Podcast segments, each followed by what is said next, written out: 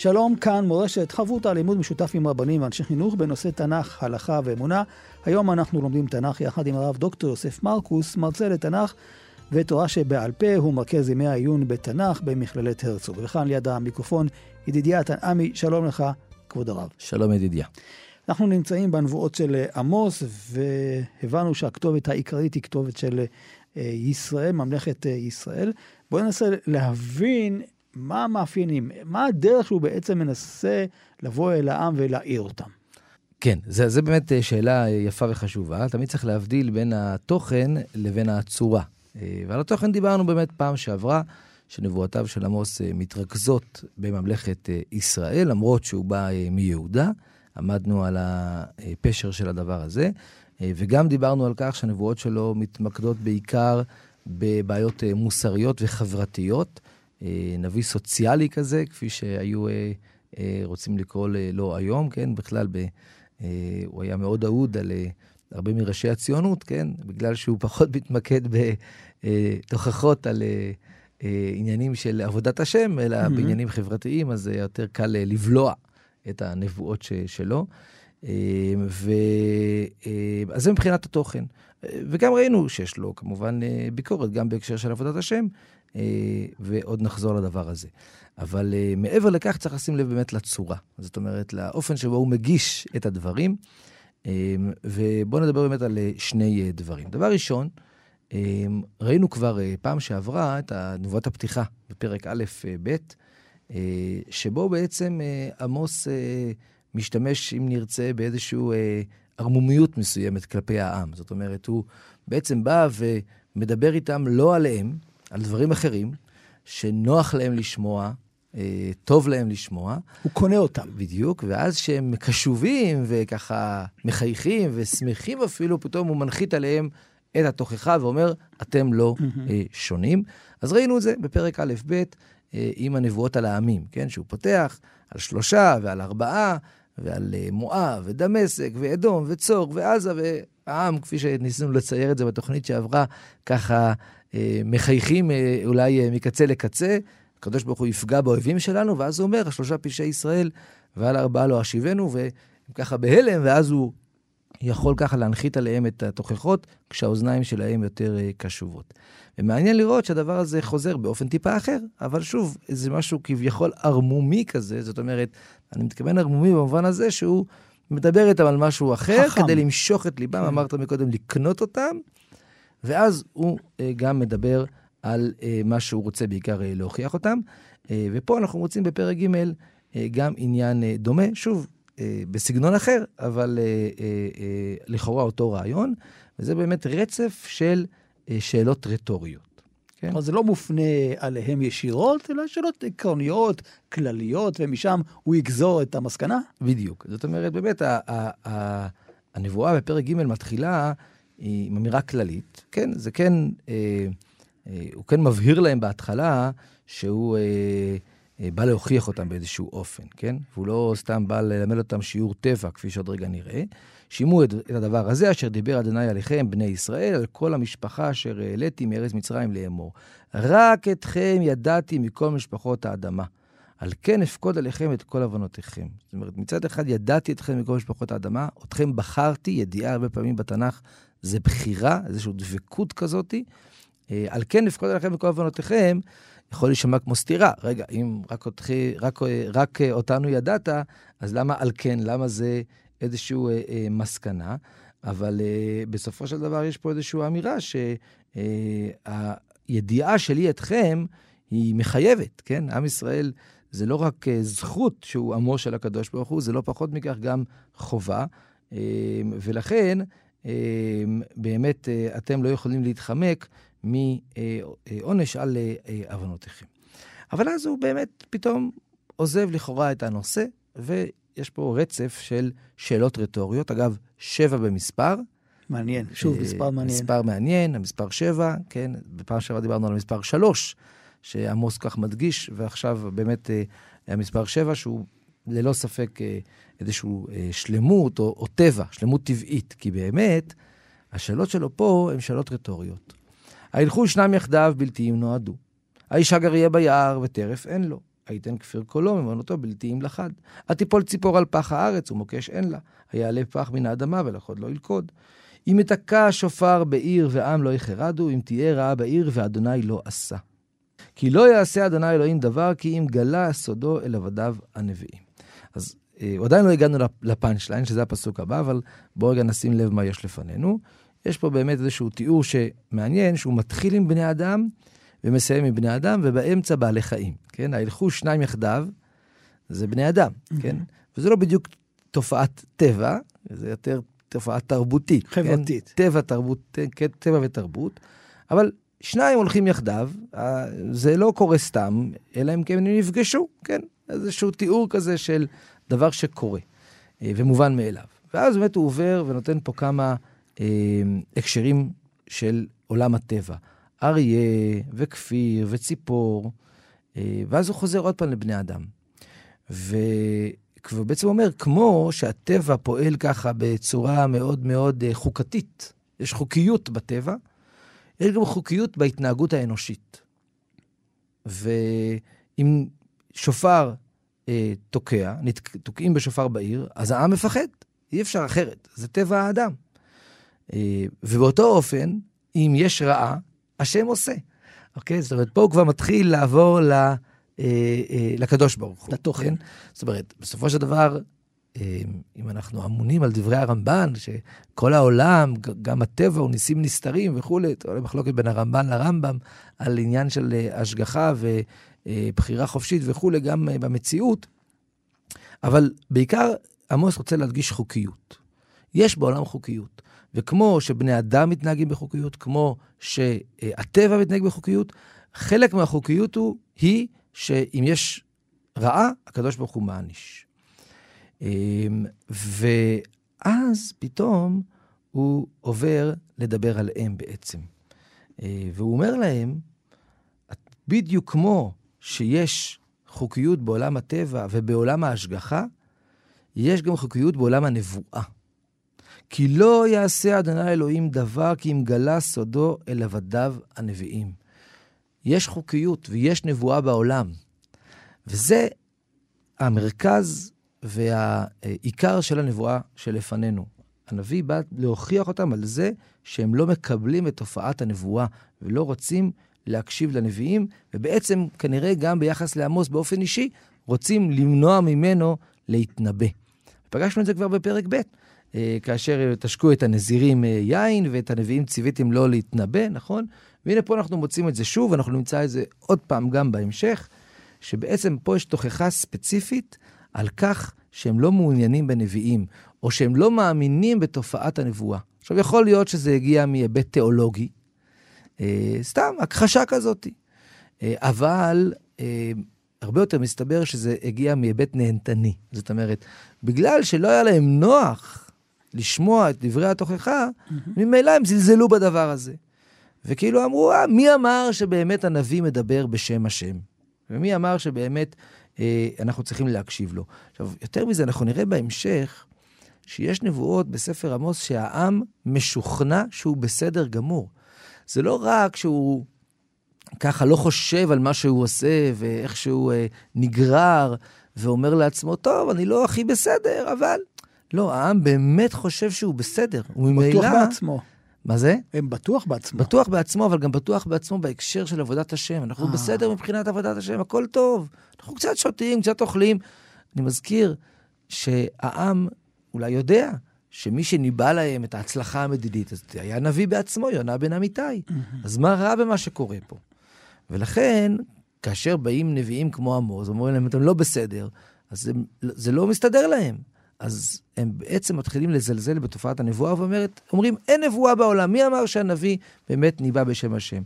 אז הנה דרך אחת שבה עמוס מביא את הדברים, משהו שמאפיין את הנבואה שלו, זה. אה, הערמומיות הזאת. זאת אומרת, התוכחה שבאה ככה לאט-לאט, הוא מדבר על תופעות טבע, תופעות חוקיות, חוק, חוקיות שיש בעולם, מתוך זה, כשככה האוזניים שלהם כרויות, כי הוא לא דיבר ישירות על מה שמציק mm-hmm. להם, על מה שהם לא רוצים לשמוע, אז הוא גם מדבר על הדבר הזה ואומר, כמו שיש בטבע חוקיות, כמו שיש השגחה בעולם, ואתם גם מאמינים בזה, כך יש נבואה, ולכן אתם צריכים להקשיב לנבואות שלי.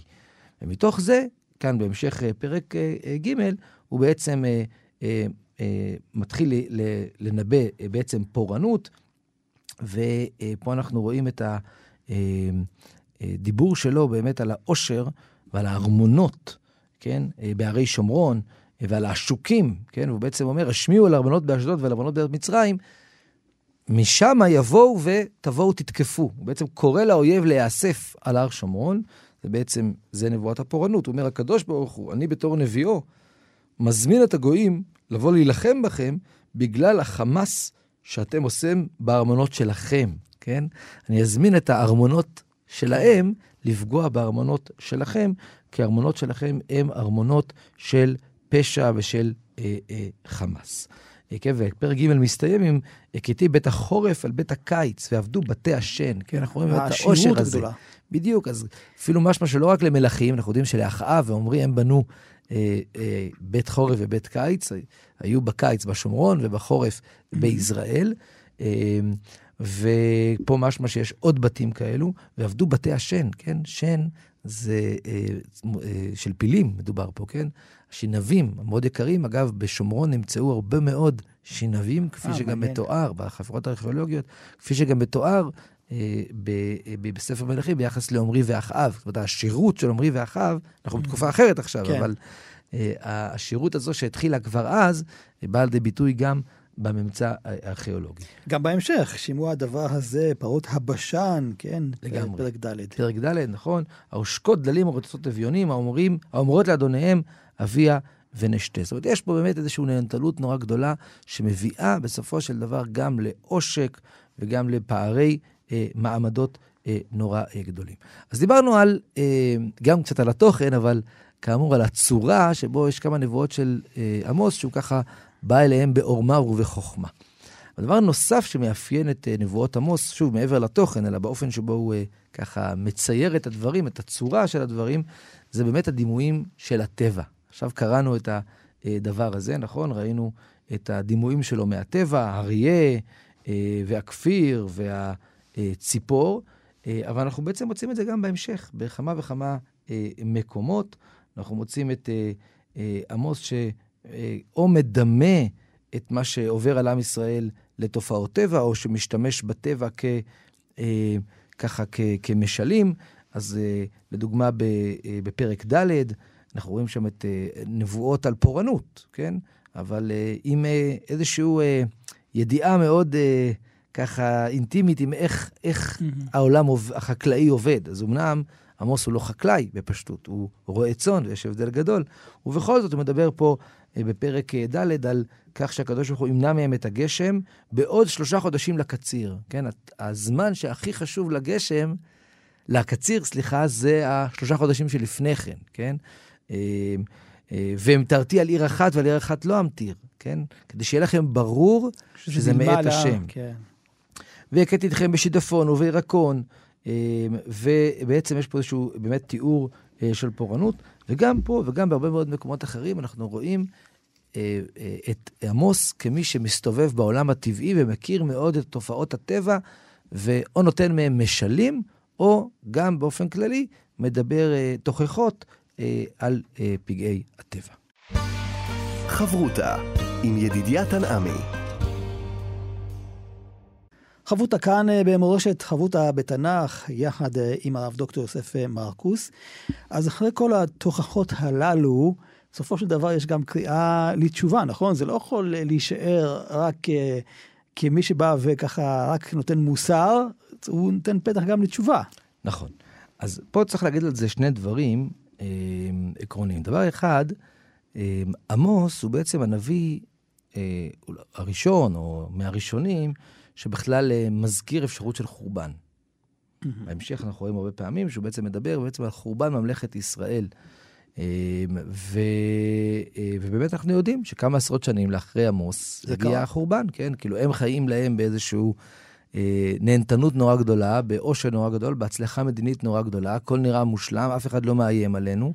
הם שולטים על עמים שבעבר הציקו להם, מלבוא חמת, כן? עד ים הערבה. אה, אבל כמה עשרות שנים לאחר מכן, כן, הכל מתפרק, אה, הבן של ירובעם בן יואש עוד מולך, אז מסתיימת לה שושלת יהוא, ואז יש לנו רצף של מלכים שמתנבאים בתקופות קצרות. אה, אה, דיברנו על זה בזמנו, ו, אה, ואז בעצם אשור מגיעים. אז מצד אחד עמוס הוא מהראשונים שמזכירים את עניין החורבן. מצד שני, אנחנו עדיין בתקופה שאפשר לתקן, כן? זאת אומרת, לא גם ירמיהו וגם יחזקאל, בדיוק. גם ירמיהו וגם יחזקאל הם נביאים שמדברים על החורבן, אבל די ברור שמה ש... ודאי בנבואות הראשונות, אני מדבר על הנבואות הראשונות של יחזקאל, כן, הוא גם מנבא אחרי החורבן, mm-hmm. אבל גם הנבואות שלפני החורבן, זה מאוד ברור שהחורבן הוא עובדה מוגמרת. אמ, וגם רוב נבואות ירמיהו הם כאלו. ואז מה התפקיד של הנבואות? כל מיני. אצל יחזקאל לדוגמה, כל הזמן חוזר הביטוי, וידעו כי נביא היה בתוכם. זאת אומרת, אמנם כבר אי אפשר לתקן, אבל לפחות תדעו שהנביא הזהיר אתכם, ושזה קרה, אז מעכשיו והלאה תאמינו לנביאים. אבל עמוס הוא בתקופה הרבה יותר מוקדמת, ודאי ביחס לממלכת יהודה, אבל אפילו ביחס לממלכת ישראל, ובעצם הוא לא רק מוכיח, הוא באמת גם אה, מבקש מהם לחזור בתשובה. אה, ופה אה, אנחנו אה, נקפוץ לפרק ה', שזה באמת אחד מקריאות התשובה אה, הגדולות אה, אה, של עמוס, שמצד אחד זה קריאת תשובה, מצד שני זה גם מסביר לעם, שוב, איפה הבעיה שלהם, כן? אמ, אז אה, בפרק אה, ה', פסוק ד', מתחילה יחידה שבתוכה מופיע שוב ושוב הביטוי לדרוש. כי כה אמר אדוני לבית ישראל, דירשוני וחיו. כן, אז הזכרנו אה, אה, אה, בתוכנית הקודמת את אה, הגמרא במסכת מכות, שאומרת שעמוס העמיד את התורה על אחד, כן? זה. עיקר העיקרים, תדרשו אותי ותחיו. עכשיו, מה, מה זה אומר לדרוש את השם? אז קודם כל הוא פותח עם מה לא. ואל תדרשו בית אל, והגלגל לא תבואו, ובאר שבע לא תעבורו. כי הגלגל גלו יגלה, ובית אל יהיה לאבן. אז קודם כל הוא באמת מדבר על מה שעם ישראל כן עושה, וזה נדרשים, נדרשים, דהיינו מגיעים, אה, משקיעים, בשלושת המקומות האלו, בית אל, גלגל ובאר שבע. עבודה זרה הייתה שם? עבודה זרה, נכון. אז בית אל, אנחנו יודעים שכבר אה, ירובעם בן נבט הקים שם את העגל. אה, הגלגל, גם בנביאים אחרים, וגם עמוס גם בהמשך, מזכיר את הגלגל כמקום שבו עבדו בעבודה זרה, וכבר הזכרנו בעבר שהגלגל שמוזכר אצל הנביאים האחרונים כמקום של עבודה זרה, זה לא הגלגל ביריחו, זה הגלגל ליד בית אל, שמוזכר גם בסיפור פרידת אה, אה, עליית אליהו השמיימה, שאליהו מגיע מההר לכיוון יריחו, והגלגל מוזכרת בהר לפני שהוא יורד ליריחו. אז זה מקום קרוב לבית אל, שגם שם עבדו עבודה זרה, וגם אנחנו למדים מפה, וגם מפסוקים אחרים, מקומות אחרים, שגם בבאר שבע היה עבודה זרה, זה גם מופיע בהמשך עמוס אה, פעם אה, נוספת. וגם זה לדעתי הזכרנו בעבר, שהממצא הארכיאולוגי מצא שם, חשף באמת את המז... איזשהו מזבח נורא מרשים וגדול, אה, שהוחרב בימי חזקיהו. אבל זה עוד מעט, זה עדיין לא התקופה שלנו, אבל הצליחו לשחזר אותו שם, כן? ואפשר לראות שם באמת איזשהו מזבח גדול לעבודה זרה. אה, שהיה אה, בבאר שבע. אז באמת, הוא אומר להם, אתם דורשים את הדבר הלא נכון. אתם הולכים לבית אל, לגלגל ולבאר שבע, אבל זה מקומות לא טובים, כי זה מקומות זמניים. הם יגלו ויהפכו להיות לאבן. בית אל יהיה לאבן, מכאן הביטוי בכמה מקומות, בית אבן ככינוי לבית אל. במקום זה, דירשו את אדוני וחיו. יש פה אזהרה, ונצלח כאש בית יוסף, ואכלה ואין מכבה לבית אל. עכשיו, מה זה אומר לדרוש את השם? וכאן באמת הוא מתמקד בעיקר בצדקה ומשפט. כי הוא ממשיך ואומר, הבעיה שלכם זה לא רק שאתם הולכים להקריב קורבנות אה, בבית אל, גלגל ובאר שבע, הבעיה שלכם זה גם שאתם עושים אה, אה, אה, עוולה. כן, ההופכים ללענה משפט וצדקה לארץ הניחו. ויש כאן אה, תיאור של אה, הטבע, הזכרנו בעבר באמת את... אה, תיאורי הטבע של אה, עמוס, אמרנו אה, מקודם, הוא בעצם אומר כאן שהקדוש ברוך הוא יכול להפוך סדרי בראשית, כן? כמו שאתם הופכים את סדרי המשפט ועושים רע במקום טוב, כך הקדוש ברוך הוא יהפוך עליכם את סדרי בראשית, מעין מידה כנגד מידה, ובהמשך אה, גם אה, הוא מדבר איתם על כך שכמו שהקדוש ברוך הוא שולט על הגורל, סליחה, של האומות, אז ככה הוא גם ישלוט עליכם. ובאמת, שוב, בסופו של דבר, הדבר הזה מוביל לאמירה, לדרוש את השם זה לדרוש טוב. פרק ה' פסוק י"ד, דרשו טוב ועל רע למען תחיו. כן, החיות חוזרת פה אה, כל הזמן. שנאו רע והאבו טוב, והציגו בשער המשפט, אולי יחנן אדוני אלוהי צבאות שארית אה, יוסף. אה, ואנחנו באמת אה, רואים פה אה, את האמירה העקרונית שדרישת השם מתחילה עם עשיית צדקה ומשפט. זה לא בא לבטל לגמרי את עבודת השם האחרת כמובן, כן? שהיא אה, קשורה ללימוד תורה ולתפילה ולקורבנות, אבל זה בא לאזן. כי הנה בהמשך, אה, כחלק מאותו עניין, אומר כאן הנביא, שנאתי, מאסתי חגכם ולא אריח בעצרותיכם. כן? זה מזכיר לנו את ישעיהו פרק א', שגם שם הוא אומר, למה לרוב זבחיכם? כן? כי אם תעלו לי עולות ומנחותכם לא ארצה, ושלם מיריכם לא אביט. כן, אני לא רוצה את כל הדבר הזה. הסר מעלי המון שיריך. כן, יש פה תיאור של פולחן, של עם ישראל במקדש, לוויים, mm-hmm. אה, נבלים, שרים, אבל כל זה לא שווה. למה? לא כי אני לא רוצה את זה בכלל, אלא כי זה לא יכול לבוא כאשר אתם עושים עוול, כן? אה, וכך אה, באמת, אה, בעצם אומר להם עמוס, הניגוד לדריש, לדרישה המוטעית שלכם היום בבית אל, שבאמת מתנקדת בעניין הפולחני, אבל בסופו של דבר גם באה יחד עם עוול ומשפט, הניגוד, או הדבר הראשון שיש לעשות, זה צדקה ומשפט, זו דרישת השם אה, האמיתית. עכשיו, יש כאן משהו נורא נורא מעניין אה, בפרק ה', כאשר באמצע הנבואה פה, העם אומר, לנביא בעצם, או הנביא מתאר את מה שהעם אומר, שהם רוצים את יום השם. כן, פרק ה', פסוק י"ח, הוי המתאבים את יום אדוני. למה זה לכם יום אדוני? הוא חושך ולאור. עכשיו, זה דבר נורא נורא מעניין. לכאורה, יום השם, בדרך כלל בתנ"ך, הוא יום של פורענות. כן, יום של תוכחה. הגדול והנורא. כן, בדיוק. אה, אז למה שהם יתאבו ליום השם? למה הוא פותח ואומר, הוי, הוי זה לשון קינה כזו. הוי, איזה נורא זה שאתם מתאבים ליום השם. למה אתם רוצים את זה? הרי זה יום חושך ולא אור. עכשיו, באמת, מה זה הדבר הזה? איזה מתאבים יש שם ליום השם, אם הם כאלה חוטאים? אז אמרנו מקודם, ופה זה בא לידי ביטוי בצורה מאוד מאוד חזקה, העם באמת לא מבין שהוא לא בסדר.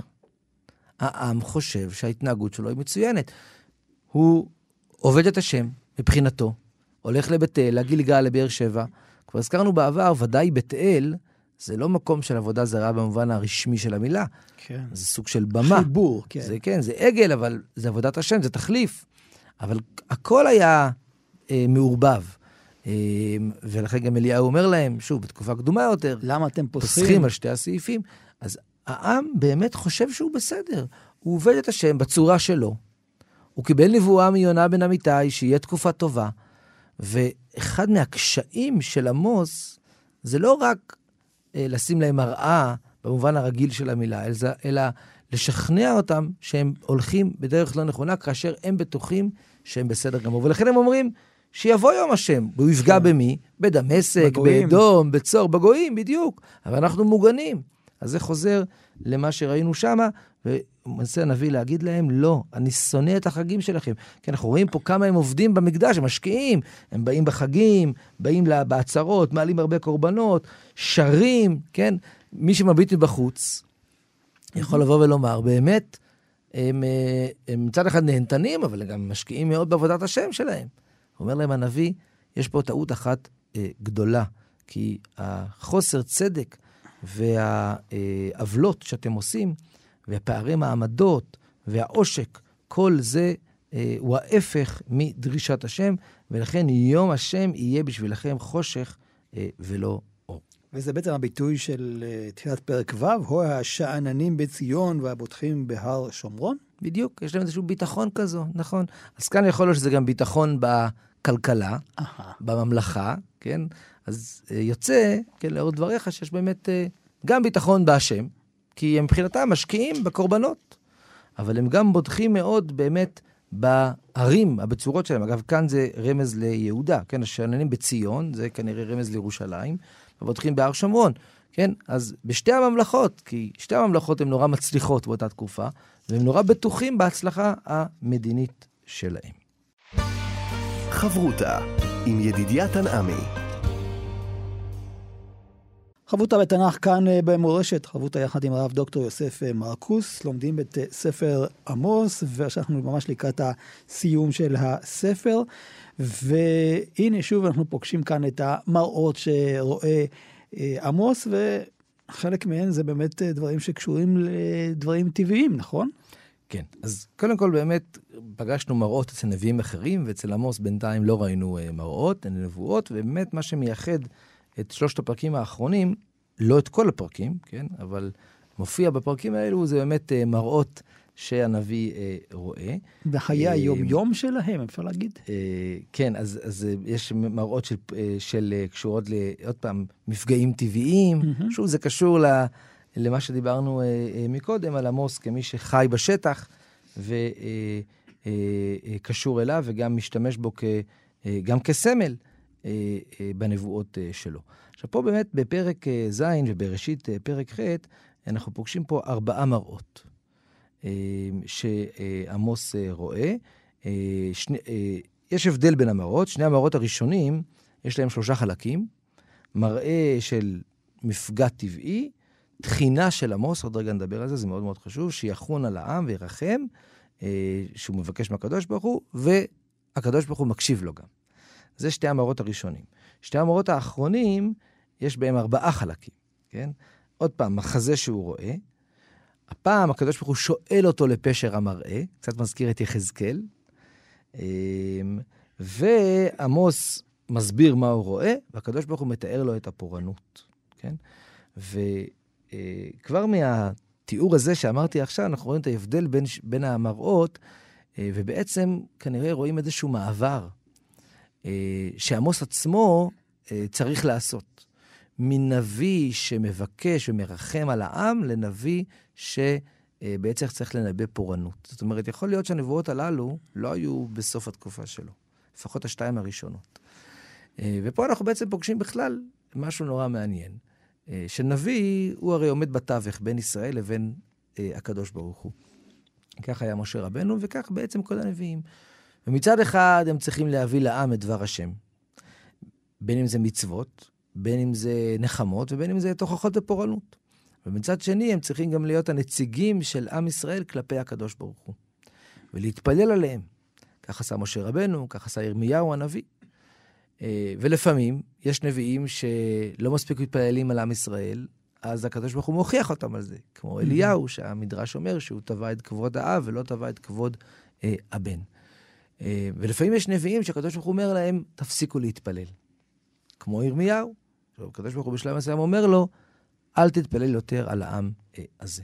ופה בדיוק אנחנו רואים את המעבר הזה. זאת אומרת, עמוס אה, מתאר פה באמת שתי אה, מראות אה, בהתחלה, אה, שבהם הוא רואה בעצם פורענות. כן, שוב, הוא רואה איזה מראה שקשור למפגע טבע, כן? וכשהוא רואה את זה, אז לא צריך הסבר, הוא מבין. שיש פה בעיה קש, בעיה, משהו שהולך ככה ליפול על עם ישראל, אז הוא אומר, ואומר, אדוני אלוהים, סנח, צלח נא, מי יקום יעקב, כי קטונו. ואז הוא מסיים, ניחם אדוני על זאת לא תהיה, אמר אדוני. זאת אומרת, הוא הצליח. כן. הקדוש ברוך הוא הראה לו איזה מראה פורענות, הנביא הזדעק, התפלל, התחנן, והקדוש ברוך הוא ניחם. אותו דבר במראה השני. כה הראני אדוני אלוהים, והנה קורא ל, אה, לריב באש, יש פה עכשיו מפגש שקשור לאש, ושריפה גדולה. ועוד פעם, פסוק ה', ואומר, אדוני אלוהים, חדל נא, מי יקום יעקב? כי קטונו, תרחם עליו, זה עם קטן. ניחם אדוני על זאת, גם היא לא תהיה, אמר אדוני אלוהים. אבל אז מגיע המראה השלישי, שכאמור, התבנית שלו היא כבר שונה. פה הקדוש ברוך הוא שואל את הנביא מה הוא רואה, והנביא מדקלם את מה שהוא רואה, ואז אין תפילה, אלא יש פורענות. ופה אנחנו באמת רואים איזשהו מעבר. הזכרת מקודם שהוא גם קורא להם לחזור בתשובה. כן. אז בשלב מסוים, כן, והוא גם מתפלל לקדוש ברוך הוא. אבל בשלב השני, הוא כבר בעצם אומר להם, תראו, זה אבוד. ממלכת ישראל, עוד כמה עשרות שנים תלך ותיחרב, העם, יהיה לו תקומה, וגם הספר כולו מסתיים, כפי שעוד מעט נראה, עם נבואת גאולה לעתיד לבוא, אבל בתקופה שלנו, מנביא שמתפלל ומנסה להציל, הופך עמוס לנביא שבעצם מנבא פורענות ואומר להם, הגזר דין נחתם. ולכן, בשתי מראות האחרות הללו, באמת, אנחנו לא מוצאים את התפילה. כן, במראה השלישי עמוס אה, רואה אנח, שזה כנראה כלי שמודדים איתו, בדיוק, אה, על איזושהי חומה, והדבר הזה, הקדוש ברוך הוא בעצם שואל אותו מה, מה הוא רואה, והוא אומר מה הוא רואה. הקדוש ברוך הוא אומר לו, אני שם אנח בקרב עמי ישראל ולא אוסיף עוד עבור לו. ויש פה תיאור שאיך שהבמות וגם המקדש אה, אה, ייחרב, וקמתי על בית ירבעם אה, בחרב. אה, זה המראה אה, השלישי. אה, עוד מעט נחזור למראה הרביעי. אבל משהו... לפני כן יש כאן תגובה מיידית של... אה... זהו. אז משהו נורא מעניין, המראה, בין המראה השלישי למראה הרביעי פתאום יש סיפור. אה, עכשיו, האם ככה זה קרה, שהמראה הזה נאמר לעם, mm-hmm. או, אה, ולכן יש פה עכשיו את הסיפור הזה, או שהכתוב בכוונה שם את הסיפור הזה בין שתי אה, אמרות. כך או כך, באמת המראה השלישי הסתיים עם וקמתי על בית ירובעם בחרב, כן? אה, אגב, לא כתוב ירובעם, כתוב בית ירובעם, באמת הבן שלו הוא זה שיהרגו אותו וימרדו בו, וכך אה, שושלת יהוא אה, תסתיים. אה, אבל אה, כפי שציינת, באמת יש פה פשוט פתאום סיפור, שהזכרנו אותו כבר אה, בעבר, אבל כאן באמת המקום שלו. המציע הכהן בית אל כנראה שומע את הנבואה, והוא שולח אל המלך. קשר עליך עמוס בקרב בית ישראל. קשר זה וואו. מרד. מרד, כן. זאת אומרת, אם יש נביא שבעצם אומר המלך ימות, או בית המלוכה ימות, אז הבגידה, אז תעשה לו משהו. כן, לא תאכל הארץ להכיל את כל דבריו, כן? עכשיו, מה זאת אומרת? אבל הוא נביא. אז פה אנחנו רואים את הבדלי התפיסה. המציע, למרות שהוא כהן, הוא בעל תפקיד. הוא מחויב למלך, המלכות. ולכן לא יכול להיות שהוא יעשה משהו בניגוד לרצון המלך. אמ, אה, ומבחינתו זה בגידה. אז הוא אומר לו, ככה אמר עמוס, בחרב ימות ירובעם, וישראל לא יגלה מעל אדמתו. אנחנו לא מוצאים תגובה של ירובעם. זאת אומרת, ירובעם לא כתוב שהוא עושה משהו. אז המציע בעצמו פונה לעמוס. הוא אומר לו, חוזה, כך הוא מכנה אותו, לך ברח לך אל ארץ יהודה, ואכול שם לחם ושם תנבא. תחזור לבית תחזור למקור שלך, אבל יש כאן כן. יותר מזה. הביטוי הזה, אכול שם לחם ושם תנבא, זה ביטוי של אה, פרנסה. זאת אומרת, אתה רוצה להתנבא, אה. לך תחפש מישהו אחר שיפרנס אותך. כן? תאכל לחם, ייתנו לך לחם תמורת הנבואה שלך. כי שוב, ככה מציע רואה את הנבואה וגם את הכהונה כתפקיד של משכורת, כן? לא עבודת השם במובן של, mm. במובן טהור. למרות שהוא כהן. חסר אינטרסים. כן. לא בטוח שהוא כהן, כן? הוא, הוא הכהן של בית אל, אנחנו זוכרים שירובעם, ירובעם בן. נבט, נבט אה, מינה כהנים מקצות העם, כן? Mm-hmm. אז הוא כהן בית אל, אבל לאו דווקא כהן בעצמו. אבל ככה הוא תופס את התפקיד.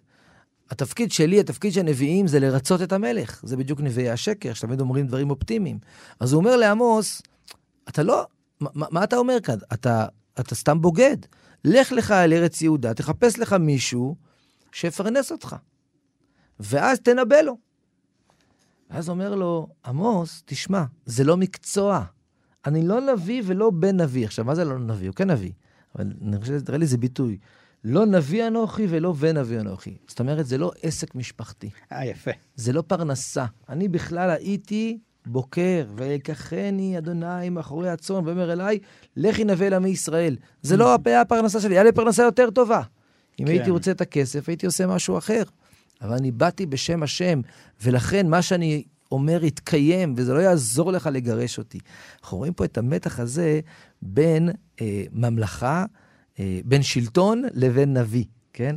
נביא אמור להיות עצמאי, אבל יש מקומות שגם הנביא, כמו הכהן, הם אה, חלק מחצר המלך, חלק מבעלי התפקידים ואז הם משועבדים בעצם למלך, ואומרים למלך מה שהוא רוצה לשמוע. וזה מה שהמציע ציפה שגם יעשה אה, עמוס. עמוס אומר לו, אצלי זה לא פרנסה, אצלי זה לא כסף, אצלי זה לא תפקיד, אצלי זה שליחות מאת השם להיות אה, אה, נביא. אה, אז, אה, ולכן הוא באמת מסיים ואומר, באמת, ירובעם, או בית ירובעם ימות, וגם עם ישראל אה, יגלה. ואז בתחילת פרק ח' מגיע אה, הנבואה, המראה הרביעית, שגם הוא מראה קשה, אה, שבסופו של דבר באמת מתאר את הפורענות. אז יש לנו פה איזו הצצה, מהצצה ל, ל, ל, לרגע שבו עמוס הפך להיות מנביא שמתפלל לנביא שמנבא פורענות, ולניסיון של אנשים מסוימים לעצור אותו, כן? כמו שאצל ירמיהו מצאנו שנלחמים בו, כי הנבואות שלו פוגעות במורל ופוגעות בממלכה, אז גם פה יש מי שמנסה לעצור את עמוס. אז בואו נתבונן עכשיו מהנבואות הקשות אל נבואות הנחמה, שבסופו של דבר הספר חותם בהם. כן, אז זה באמת בסוף uh, פרק uh, ט'. יש uh, משהו מעניין באמצע פרק ח', שעדיין זה פרק שמוכיח ומנבא פורענות, גם מדבר שוב על הבעיות החברתיות ועל העוולות. ועל עוד פעם ביטויים אפילו דומים שמזכירים לנו את פרק, את ההתחלה, לקנות בכסף דלים ואביון בעבור נעליים. ואז יש באמת פסוק שאם קוראים אותו במנותק, והרבה פעמים אנשים עושים את זה, אז הוא נשמע באמת אה, אה, איזושהי נבואת אה, נחמה כזאת. כן? הנה ימים באים, נאום אדוני אלוהים, והשלכתי רעב בארץ, לא רעב ללחם ולא צמא למים, כי אם לשמוע את, דבר, את דברי אה, אה, השם. אז אה, מכירים את הפסוק הזה וגם את הלחן או הלחנים שיש לפסוק הזה. ובאמת הוא מתאר איזה משהו אה, נפלא, נכון? שבמקום שאנשים ירבו אה, רק אה, ללחם ולמים, הם באמת ירצו לשמוע את אה, דבר השם. אבל יש לשים לב למיקום של הפסוק הזה. כי הפסוק הזה מופיע אחרי פסוק שבו הקדוש ברוך הוא אומר שאני אהפוך את החגים שלכם לאבל, וכל השירים שלכם לקינה, ויהיה לכם אבלות, כמו אבל יחיד, כמו אדם שאיבד את בנו יחידו. והפסוק שלאחריו, גם כן מתאר את עם ישראל שנע ונד בכל מקום, והבחורות תתעלפנה, והבחורים בצמא. אז מה עושה הפסוק הזה פה? הפסוק הזה, שוב, בסופו של דבר אפשר לקחת אותו קצת במנותק ולראות בו באמת חזון גדול, mm-hmm. בעזרת השם, שבאמת אה, נזכה כל כך אה, לרצות ולשמוע את דבר השם. אבל בהקשר פה, יש פה איזושהי אמירה שאתם עכשיו לא רוצים לשמוע את הנביאים, כפי שראינו בעבר, אתם לא רוצים לשמוע את דבר השם. אבל יום אחד יהיה לכם כל כך קשה, שאתם תחלמו, הלוואי ומישהו וואו. יגיד לנו את דבר השם. אז, אז כאילו זה, זה מגיע דווקא מ, מאיזשהו מקום של איזשהו אפסות, מאיזשהו מקום שבו כאשר יש לכם את זה, אתם לא רוצים לשמוע. אבל יהיו ימים שבאמת יהיה לכם כל כך קשה, גם גשמית וגם רוחנית, ואז אתם תרצו לשמוע את דבר השם, שמה יגיד לכם אותו דבר השם? גם נבואות נחמה. אה, ובאמת, הספר כולו אה, מסתיים בנבואות נחמה, נקרא לזה אמיתיות, או אה, ככה ברורות ורציפות, עם פסוקים ידועים, כמו ביום ההוא הקים את סוכת דוד הנופלת, כן? מאוד יכול להיות, וזה רעיון ידוע, נכון? דווקא סוכה, שיש בה פחות ביטחון, אתם uh, עם בנייני, עם הפאר שלכם, ככה סגורים בתוך הבית, ו, וזה מה שבסופו של דבר גרם לממלכה ליפול. אז הממלכה תקום לא ממלכת ישראל, ממלכת דוד, כי לא תקום עוד ממלכת ישראל. יהיה ממלכת דוד, שאתם תהיו תחתיה. אמ, אבל היא תהיה סוכה. סוכה במובן הזה שיש בה, אפשר לראות בה את הקדוש ברוך הוא, אמ, ולא, אה, אה, ולא להיאטם. והפסוקים האחרונים ממש מתארים את uh, החזרה לארץ, וכאן נורא מעניין, קודם כל תיאור של הארץ uh, ככה פורחת מבחינה חקלאית, ורק אחרי זה תיאור של הגעת האנשים. כאילו קצת כמו גן עדן, שקודם כל הגן מוכן, ואז הקדוש ברוך הוא בורא את האדם, לאדם יש מה לעשות שם, כן? אבל קודם כל מים זורמים, אה, ו, ואז האדם יכול באמת לבוא ולעבוד בו, ופה כאילו עם ישראל ייכנס לאיזשהו מקום אה, לארץ ישראל שכבר, הערים כבר ית, אה, אה, כן, הסיס, נכון? וכל הגבעות אה, תתמוגגנה, ושבתי את שבות עמי ישראל ובנו ערים נשמות, כן, הערים שנישומו, כן, הערים שנחרבו, יבנו אותם ונטו כרמים ושתו את יינם ועשו גנות ואכלו את פריים. זה נורא מעניין. בסוף, העושר הוא לא רק שלעצמו. כאשר כן. הוא מגיע, עובר את הגבול שלו, ו- וזה כל מה שעמוס תיאר כל הזמן, אז הוא באמת מביא לדברים מאוד מאוד רעים, וצריך לקחת מעם ישראל את זה. אבל חזון הגאולה הוא לא חזון רק של נזירים. Mm-hmm. הוא חזון שבו עם ישראל חוזר לארץ, שותה את היין שהוא עשה, אבל הפעם הוא עובד את השם, וגם הקדוש ברוך הוא כורת איתו ברית, ונטעתים על אדמתם, ולא ינטשו עוד מעל אדמתם אשר נתתי להם, אמר אדוני אלוהיך. איזה יופי, חתמנו בדבר טוב. תודה רבה לך, הרב דוקטור יוסף מרקוס. תודה רבה, ידידיה, להתראות. כאן, ידידיה תנעמי, נשוב וניפגש בחברותה הבאה. חברותה עם ידידיה תנעמי.